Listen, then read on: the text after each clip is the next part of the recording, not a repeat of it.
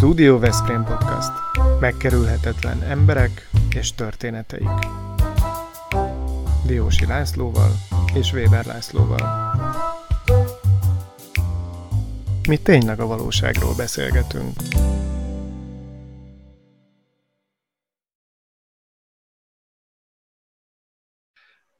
Mai vendégünk dr. Virányi Judit, az Alkohol és Drogsegély ambulanciának a vezetője.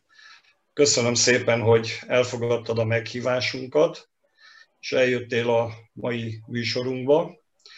Van egy különleges érdekessége és aktualitása ennek a műsornak, hogy én böngészve azután, hogy milyen tevékenységet végzel, rájöttem, hogy az én kedves munkatársam, kollégám, a Weber Laci is szerepet vállal a kábítószer ügyi fórum munkájában, már pedig, ha jól tudom, akkor kábítószer ügyi egyeztető fórumnak vagy az elnöke. Tökéletes. Úgyhogy itt rajtam kívül mindenki kiválóan ismeri ezt a témát, és e, majd ti biztos nagyon kedvesen fogtok beszélgetni szakmai kérdésekről, én pedig tudálékosan bólogatok, meg esetleg laikus kérdéseket fogok föltenni, hogyha eljön az ideje. De mielőtt erre sort kerül, szeretnénk azt is elmondani, hogy egy patronus klubot állítunk a adásunk, illetve a Studio Veszprém podcast mögé, jó néhány olyan vállalkozás, cég segítségével, amelyek maguk is a legnagyobb minőséget jelentik, úgy, ahogy nagy minőséget, magas minőséget jelentenek a vendégeink, mint a mostani vendégünk is, és a mai beszélgetésünknek, a mai epizódunknak a támogatója a Royal Kert Kft. No, Laci, először inkább most hozzád fordulnék, ez a kábítószer egyeztető fórum, ez még a régből, vagy a múltról maradt, maradt meg? Mert nekem ilyen emlékeim még vannak a megboldogult polgármester időszakomból. Igen, igen, igen. Ez tulajdonképpen Judittal közösen kezdtük el ezt a történetet 20 évvel ezelőtt, és azért egy kis pontosítás. Sok, sokan mondják így, hogy kábítószer egyeztető fórum, de mi nem ezt tesszük, tehát nem a kábítószer piacot próbáljuk egyeztetni, hanem a kábítószer ügyben dolgozókat próbáljuk egy asztalhoz ültetni. Valószínűleg erről még beszélhetünk, vagy elő fog kerülni, de én azt javaslom, hogy csapjunk mindjárt a közepébe, és ne csak ezekről a szervezetekről, meg a, meg a munkánkról essen szó, hanem, hanem Juditról is, úgyhogy én azt szeretném kérni tőled, hogy hogy természetesen csak olyan keretek között, ami ránk tartozik, hozd meg velünk, hogy a te életed során mi volt az a két-három olyan dolog, amit te igazi szenvedéllyel csináltál, akár gyerekkorodban, akár felnőtt korodban. Biztos van, mindenkinek van az életében néhány olyan dolog, amit szenvedéllyel csinált, vagy helyzetek, amikben szenvedéllyel van benne. Mik ezek, ha fölidézed? Hát köszönöm szépen először is a meghívást, na, megtiszteltetés. Mindig örülök, hogyha a ambulanciának a tevékenységéről beszélhetek, illetőleg magának a cégnek a tevékenységét egy picit reklámozhatom, promotálhatom, jobban megismerjék az emberek, ne legyen annyira mumus ez a szegmense az egészségügynek, illetőleg szociális ágazatnak. Hogy magamról beszéljek, Okay. Hát a szenvedély, szenvedély kapcsán ugye ez... Szenvedély kapcsán, természetesen, tehát az életemből azok a szenvedélyek, amikor úgy károsnak lehet minősíteni, amit a nagy közönség károsnak minősítő kimaradt. Ez nagyon furi, mert egyszer megkérdeztem, hogy dohányoztam-e, életben nem. De nem is volt rá készítésem. Tehát ezek, ezek ilyen furcsa dolgok, ha lett volna rá készítésem, biztos, hogy kipróbálom, de nem volt. Itallal ugyanígy vagyok, kábítószer soha nem próbáltam, mint olyat. Ettől függetlenül szenvedéllyel művelek dolgokat. Tehát a szenvedély nem hiányozhat az emberekből. Uh-huh. Um, például szenvedéllyel olvasok. Ez egy nagyon unalmas történik egyébként. Tehát, hogy szenvedéllyel olvasom, mert hogy, mert hogy, mert hogy semmi érdekfeszítő nincs benne. Ez egy ilyen magányos tevékenység, mint olyan, és hogy rácsatoljak rögtön a szenvedélybetegségekre e momentumban. Lehet ezt is úgy művelni, hogy a környezetünket zavarja. Tehát lehet ilyet is művelni úgy, hogy abból a környezet negatívan jöjjön ki, és az ott esetben elhanyagolva érezze magát. Tehát bármi válhat úgy szenvedélyé, hogy ez már káros lehet. Ugye? Én, én, én egy pillanatra megállnék, hogy akkor neked mivel telt a kamaszkorod? Tehát azt mondod, hogy se alkohol, se cipár, se kábítószer. Nem azt mondtam, hogy nem így, majd néha egy sör, nem azt mondtam, hogy nagyon jó gyermekek voltunk, és soha nem követtünk el semmit, mert Ugye én a középiskolás éveimet Nyíregyházán töltöttem, és ott a Simpsonok két személyesre voltak beállítva kapásból, tehát, és az utcán nőttünk föl, de más volt egy picit a világ. Ez Tehát ezt nem mondom, de ez a 80-as éveknek a igen, vége fele történt. Ezt igen. Hogy, kell, hogy Tehát, kell értenünk? Hogy kell értenünk, hogy a Simpson két személyesre volt beállítva? A két személyes volt, igen, aminek a rendőrök nem mindig örültek, tehát azért na, valljuk be, de őszintén, igen. Aha. Tehát volt uh, nagy társaság, utcán éltük az életünket, tulajdonképpen, de mellette egy olyan iskolába jártam, ahol a tanulás sik volt. Tehát ott, aki nem tanult az osztályban, azt egy picit úgy kinéztük magunk közül. Uh-huh. És ez így végigkísérte az életemet, ez a kettősség tulajdonképpen. Szenvedélyen művelem például a kertet.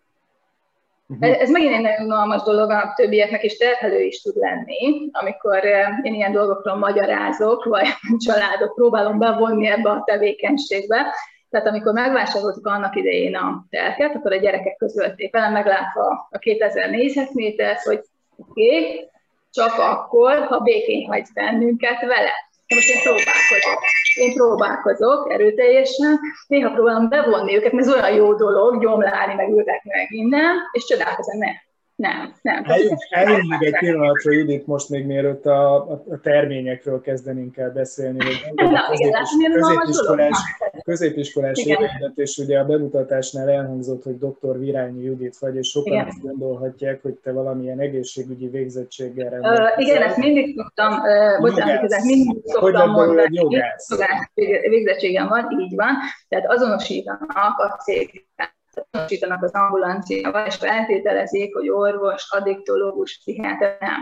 Hát én nekem jogász végzettségem van, és az ambulanciát vezetem, szervezem az itt dolgozóknak a munkáját, irányítom őket, próbálom segíteni döntéseit. Így van. Uh-huh. Te Laci, most én hozzád fordulok, ha már te is megszólítottál engem, akkor uh, ugye ti dolgoztatok együtt a Városházán, tehát a Judit uh, tulajdonképpeni Veszprémi múltjából föl tudunk idézni olyan szeletet, amiben ti együtt dolgoztatok. E, van-e neked olyan élményed, tapasztalatod, e, helyzet, amit így föl tudsz idézni a, a Judittal végzett közös munkátok kapcsán? Milyen területen dolgoztatok ti együtt? Ha jól emlékszem, akkor a drogsegély ambulanciának a vezetője a Pesti Lajos volt, mint önkormányzati képviselő, és hát ő próbálta terelgetni a figyelmet alapvetően, vagy a önkormányzóknak az érdeklődését abba az irányba, hogy ez milyen felelősségteljes munka is. És akkor olyan emlékeim vannak, hogy a Judit akkor már próbált, vagy próbáltál abba az irányba egy kicsit mozdulni, segíteni és közreműködni a szokásos önkormányzati, hivatali, jogi, adminisztratív feladatokon kívül. Nem tudom, jól emlékszem-e erre. Tökéletesen. Tehát, uh, ugye ennek az első munkahelyem a Városháza volt. Uh, most már elmondhatom, hogy végtelen ijesztő dolog volt oda belépni, és uh, fiatal jogász. Főleg, főleg egy ilyen polgármester mellé, hát el tudom képzelni, hogy ez egy elég érintő feladat lehet. Igen, hát nagyon szigorú voltál szó se róla. Nagyon-nagyon szigorú. Viszont, viszont megszerettem ott lenni, illetőleg hát a, volt egy folyamtársammal együtt kezdtük el ott a munkát. Ő is nagyon szeretett belőle, ügyvéd lett azóta belőlem, nem. És és nagyon jó volt a kollektíva közösség, tehát még mindig tartom emberekkel, ott dolgozókkal a kapcsolatot, akikkel ott kezdtünk dolgozni. De továbbra is azt mondom, tehát egy végtelen ijesztő dolog volt bekerülni a gyakorlatba, tehát az egyetemen mi nem kaptunk gyakorlati képzést. Nem tudom most, hogy megy itt a um, egyetemeken az oktatás, nem követem, de az elméleti képzés után gyakorlati tennivalókat kellett volna megoldanunk, jogi dolgokat. Szerencsére volt nagyon jó konzulensünk ott a munkahelyen, aki segítette a működésünket, úgyhogy szerettünk ott lenni. Igen. És a drogambulanciához is elég hamar becsatlakoztunk, vagy becsatlakoztam méghozzá pályázati keretek között, akkor jött be az elterelés. Ugye a felvilágosító tevékenység, és akkor hetente egy alkalommal lehetett az elterelést művelni. Akkor még az egyetem utcán volt a kezelőhely, és akkor oda bejött és ezt igényelte, annak nyújtottunk szolgáltatást. Igen, igen. Még mielőtt az elterelést megfejtenénk, hogy a hallgatóink is tudjanak ja, igen. ehhez kapcsolódni, azért annyit, annyit mindenképpen megkérdeznék előtte, hogy azt mondják, hogy aki segítői szakmát művel, segítői területre megy, azok többségére jellemző, hogy igazából saját maga miatt megy oda, mert hogy valami olyan probléma vagy nehézség van a saját életében, családja életében, ami valahogy arra tereli. E, ugye te nem segítőként, vagy nem klasszikus segítőként kezdted a tevékenységedet, mégis aztán váltottál. Mi, miért? Miért döntöttél úgy, hogy erre, erre fogod? Én, én továbbra sem segítő vagyok. Uh-huh. Tehát én nem végzek effektíve segítő munkát az ambulancián, hanem a szervezésben veszek részt. És most nem akarom visszadobni ezt a kérdést, mert, mert igen, tehát mindenkinek az életében vannak nehézségek, és mindenki sokkal jobban meg tudja oldani a mások életében bekövetkező nehézségeket, és végtelenül okosan tudjuk most így átoltatni. Miért nem azt csinálni? Én azt csinálnám a helyet. Na, igen, miért nem hallgattál rám, megmondtam tehát az én életemben is persze vannak ilyen dolgok, természetszerűleg, de e, éppen ezért nem is gondolom, hogy nekem segítőnek kéne lennem, tehát Aha. nincs meg rá a fizetségem. Tehát e, nagyon nagy csapda az is. Tehát e, amikor mondják, hogy doktornő, mi a véleménye arról? Tehát azt mondani, hogy ne haragudjon, nem vagyok doktornő, hiszen az itt eltöltött olyan majdnem 20 év alatt ragadt rám ez meg az. Uh-huh. Tehát simán tudnék kezeléseket vállalni egyébként a magánéletben, de persze nem vagyok rá följogosítva, és nem is tehetem. Nem is mhm. tehetem. Tehát ilyenkor korrekt az, amikor azt mondom, hogy ne haragudjon, nincs meg a szakvégzettségem, forduljon az arra alkalmas Jó, hát akkor viszont most tereljük a szót az elterelésre, ezt így röviden fogalmazd meg, és akkor majd a Laci, Laci lesz a mi jó indikátorunk, hogyha ő bólogat, hogy érti, akkor valószínűleg jól, okay. jól fogalmaztad meg egy laikus számára is. Tehát hát, a, annyiban laikus foglalkoztam soha életemben. Alkoholt hivatalból is kellett, alkoholt hivatalból is kellett inni azért, de nem iparszerű, nem iparszerű mennyiségben.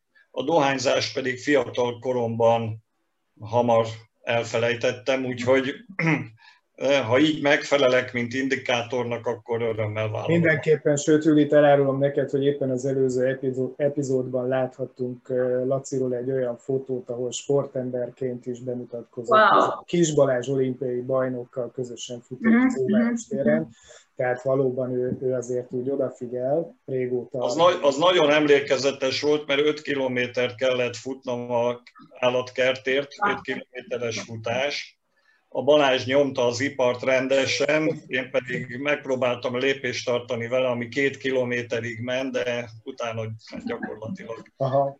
No, tehát akkor tereljük a szót az elterelésre. Elterelésre? Most hát az elterelés ugye egy jogi fogalom, és az eltereltek kapnak egy lehetőséget. Tehát ők mind kábítószerfogyasztó emberek, majd mondjad, Laci, hogyha nem jól fogalmazok szakszerűen, stb., vagy nem közérthetően, mint kábítószerfogyasztó emberek, akiket a rendőrség lefilelt.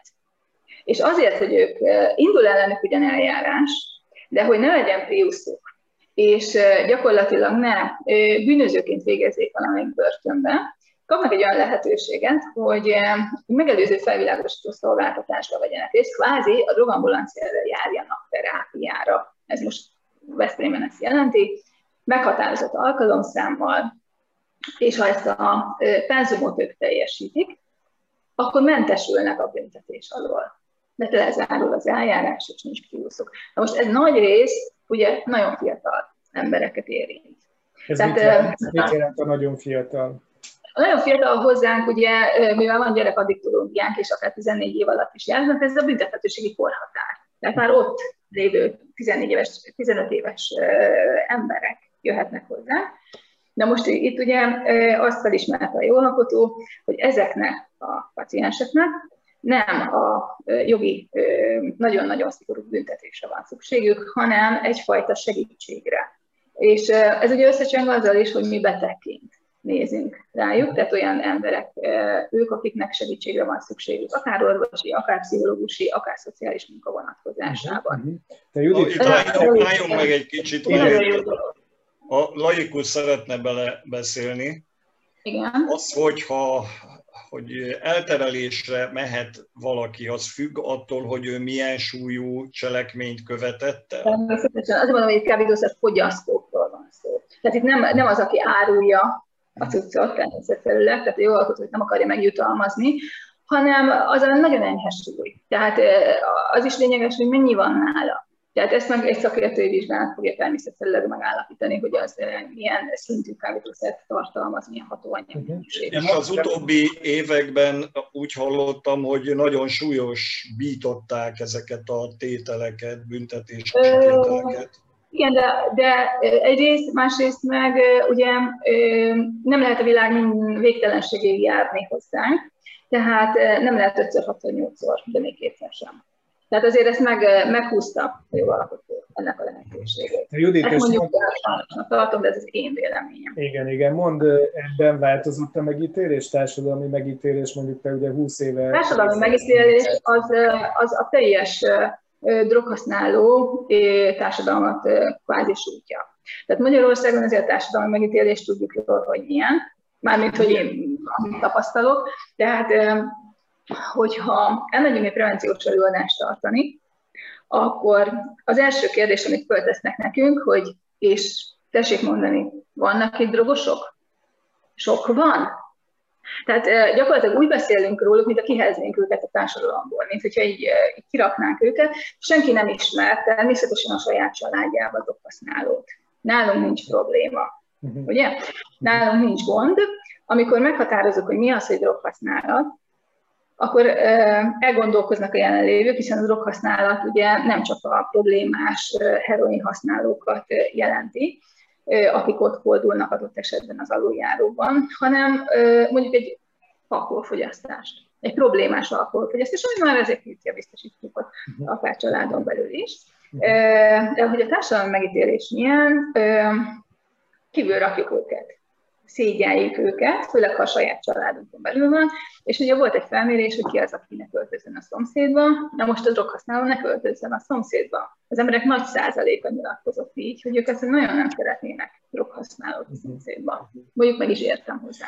Igen, és, és ugye abban is finomítanunk kell ezt a képet, hogy, hogy a, a, nem csak a droggal van probléma, hanem a függőséggel van probléma. Igen. És, és számos olyan függőség létezik, amit mi abszolút talán észre sem veszünk, vagy a saját életünket megfigyelve is azt gondoljuk, hogy ez egy normális dolog. Hallunk ilyeneket, hogy sorozatfüggő emberek, hallunk olyat, hogy munkafüggő emberek, és ezek ugye nagyjából egy ilyen elfogadott kategóriába tartoznak, míg a, amíg szert használ valaki, az sokkal kevésbé. Vonatkozik ez az alkoholra is, ugye jól tudjuk, hogy ilyen milliós, milliós számokról Hát évekkel ezelőtt volt egy felmérés, ott 800 ezres lélekszámot mondott, akik, akiknél probléma van az alkohollal. Uh-huh. Tehát itt, hogyha a családtagjaikat, a munkahelyi vonatkozást, az egészségügyi viszonyokat nézzük, akkor itt azért elég széles uh, problémaspektrumot tudnánk feltárni. Uh, a droghasználóknál viszont, hogyha kimondom ezt a szót, hogy drog, akkor mindenki az illegális, problémás droghasználókra gondol. Uh, őnekik azért jóval kisebb a lélekszámuk jóval-jóval kisebb, tehát egy pár ezeres főre uh-huh. tehető a statisztikák szerint. Na most visszacsatlakoznék arra, amit mondtál, és ezért mondtam a legelején azt, hogy a könyvolvasás is lehet probléma uh-huh. a családon belül. Ugye? Bélyeggyűjtés, sakkozás, amikor 0-24-be csinálom, amikor nem tudok elszakadni tőle. Igen. Igen, amikor zavarom a bélyeket, nem hát, teljesítem azt a kötelességemet, amiért egyébként ott vagyok a családban. Igen, igen, igen, éppen most mi az elmúlt hetekben találkoztunk egy megbeszélésen, ahol ezt is tárgyaltuk, hogy például a fiatalok, a középiskolások élete az ma úgy néz ki, hogy nekik nem hétnapos egy hetük, hanem hat napos, mert egy nap elveszik, tehát 24 órát online játékkal töltenek általában. Tehát eleve náluk egy, egy nappal megrövidül a hét, csak amiatt, mert lógnak a, a számítógépes játékon, és hát ezek nyilvánvalóan új, új jelenségek, mindig vannak ilyen új jelenségek. Most mit látsz a leg, leg, legjelentősebb problémának, ami, ami ma a függőségek, szenvedélyek területén van? Legjelentősebb, egyénileg mindegyik nagyon, tehát egyénileg mindegyik az. Uh-huh.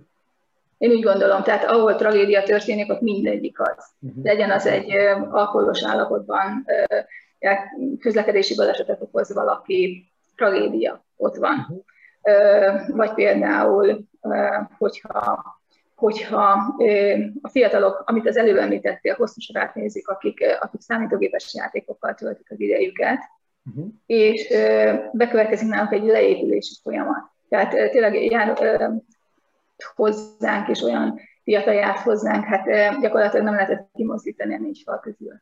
Uh-huh. Uh-huh. Tehát magukra zárják az ajtót, és, és, és nem lehet kommunikálni velük, csak uh-huh. a számítógép létezik. Tehát ez is olyan probléma, hiszen itt egészséges fiatal embereket szeretnénk látni magunk körül, Igen. akik piros posgás arccal nem tudom, mit csinálnak, sportolnak, és jól érzik magukat, de, de, de az ember hajlamos az addikcióra valahol. Igen, igen most lehet, mondja csak Lehet, azt. hogy mi is függők vagyunk, mert állandóan babráljuk a telefonunkat, és igen. egyszerűen nem tudunk meglenni nélkül. Ez is betegség lehet már egyébként? Szólt már valaki? Neked, hogy igen, ez... igen. Hát igen, igen, mert e-mail jön, üzenet jön, Aha. utána kell nézni valaminek, gyorsan kell intézkedni valaminek az ügyébe.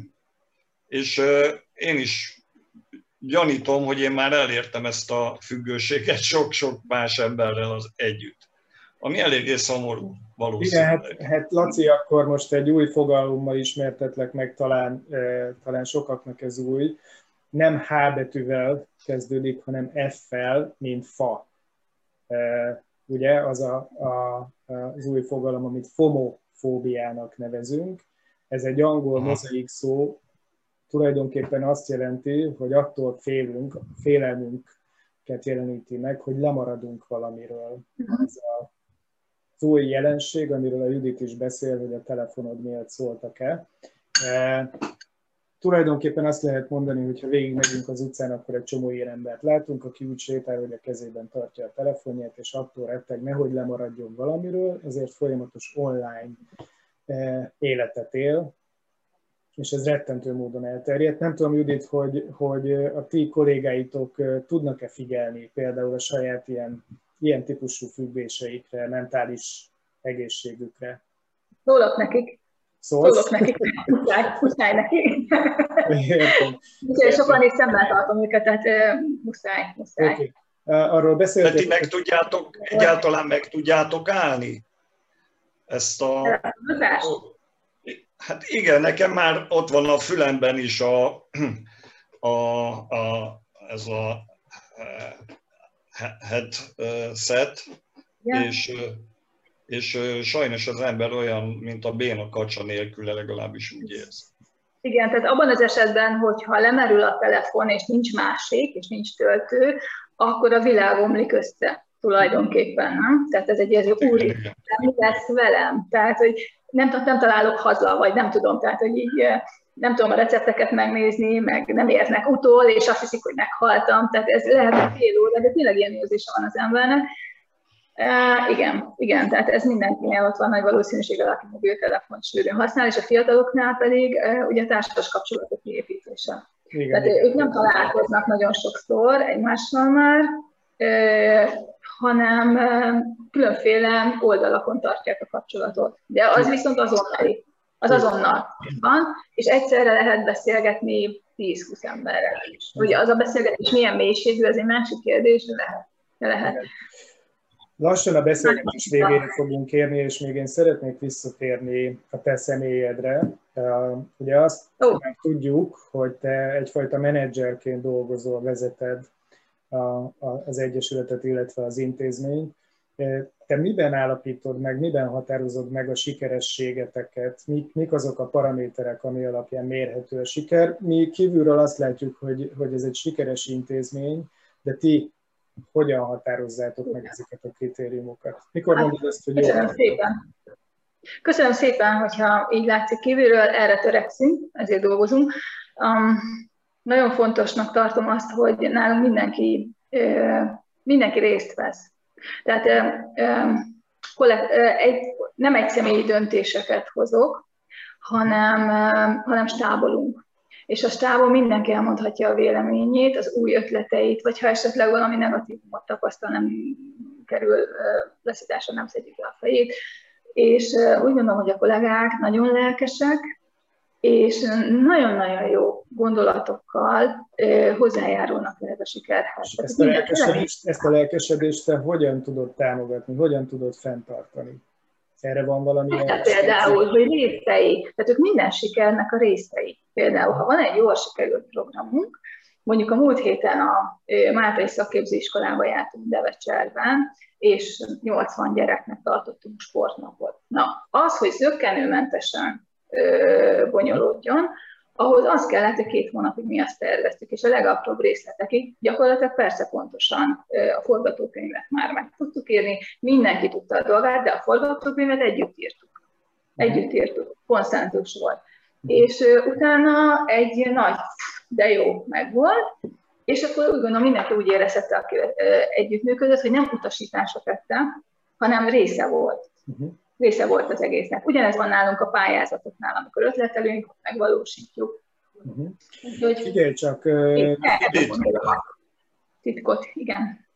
Két dolgot szeretnék én is kérdezni. Az egyik az az, hogy ugye itt ez egy eléggé kényes dolog, amivel foglalkoztok, alkohol, drogügyek, és azért itt valamiféle anonimitásra szükség van, meg olyasmire, ami nek során biztos lehet az, hogy aki hozzátok folyamodik, annak az adatai, annak a személye, eh, az a cselekmény, az nem eh, kerül a külvilág számára ismerté. És most mit tanácsolsz, hogyha valakinek ilyen gondja, baja, problémája van, akkor ezt az anonimitást, ezt hogy tudja elérni, hova forduljon, kit keres, írjon először egy e-mailt, vagy van egy olyan telefonszám, vagy mi a teendő?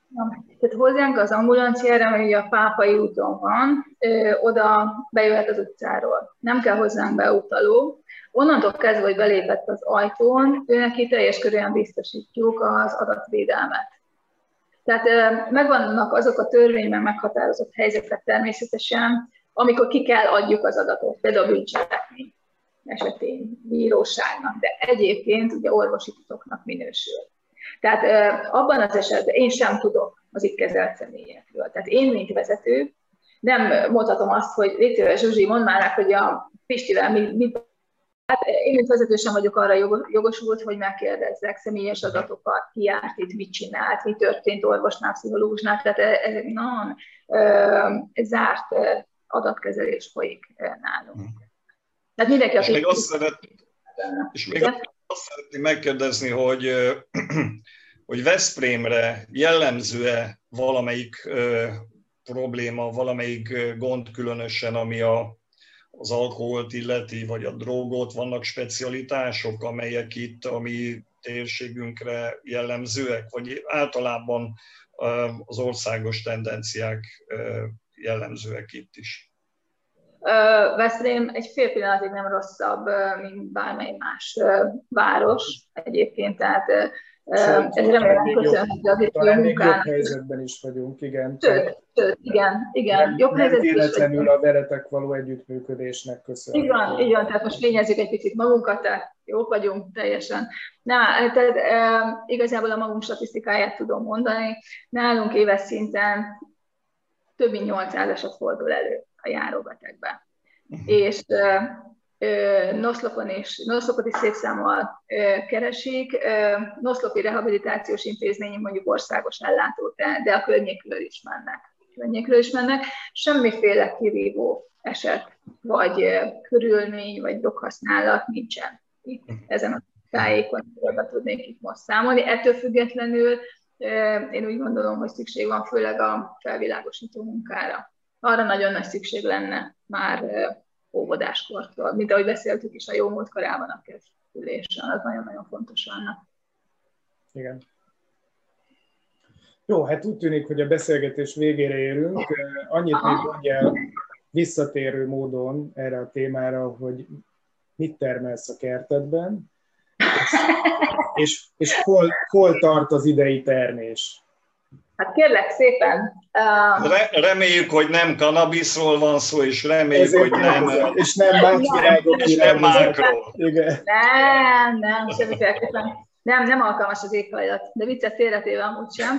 Uh, én nagyon szeretném a gyermekeimet munkára nevelni, de egyelőre annyit értem el, hogy néha nagy gyújtagvadást segítenek, plusz az állatkákat ellátják, akik ott van a házi állat, a kutyákról, a macskákról és a nyúlról van szó, úgyhogy ezt nagyon szeretik. A kertbe pedig mindenféle zöldséget szeretnék megtermelni, kisebb-nagyobb sikerrel. Immáron ez a, ha jól számolom, akkor a kilencedik év, kezdek bele tanulni. nagyon jó sport. Nagyon jó sport, és rettentő jó feszültséglevezetés. Azt kell, hogy mondjam. Hát, ha így folytatod, akkor egy így folytatod, akkor egy aranykalászos gazdatlan folyamra is beiratkozhatsz. És már. Lacinál tudsz vizsgázni. Igen. Igen. Igen, igen. Teljesen jó. Teljesen jó. Na, hát viszek majd a terményekből esetleg, ha lesz. Várunk, várunk rá mindenképpen egy jó ratatújt, vagy lecsót mindenképpen érdemes volna összehozni közösen. Judit, köszönjük szépen. Én köszönöm a lehetőséget. Itt voltál, és hogy a hallgatóinknak egy kicsit betekintést adhattunk ebbe a témakörbe, ami még nem szerepelt nálunk. Ha a jövőben lesz majd olyan helyzet, akkor szerintem még érdemes visszatérni egy következő. Köszönöm szépen még egyszer. Köszönjük. Szervusz. Szia. Ez a Studio Veszprém műsora volt. Hallgasson ránk minden pénteken!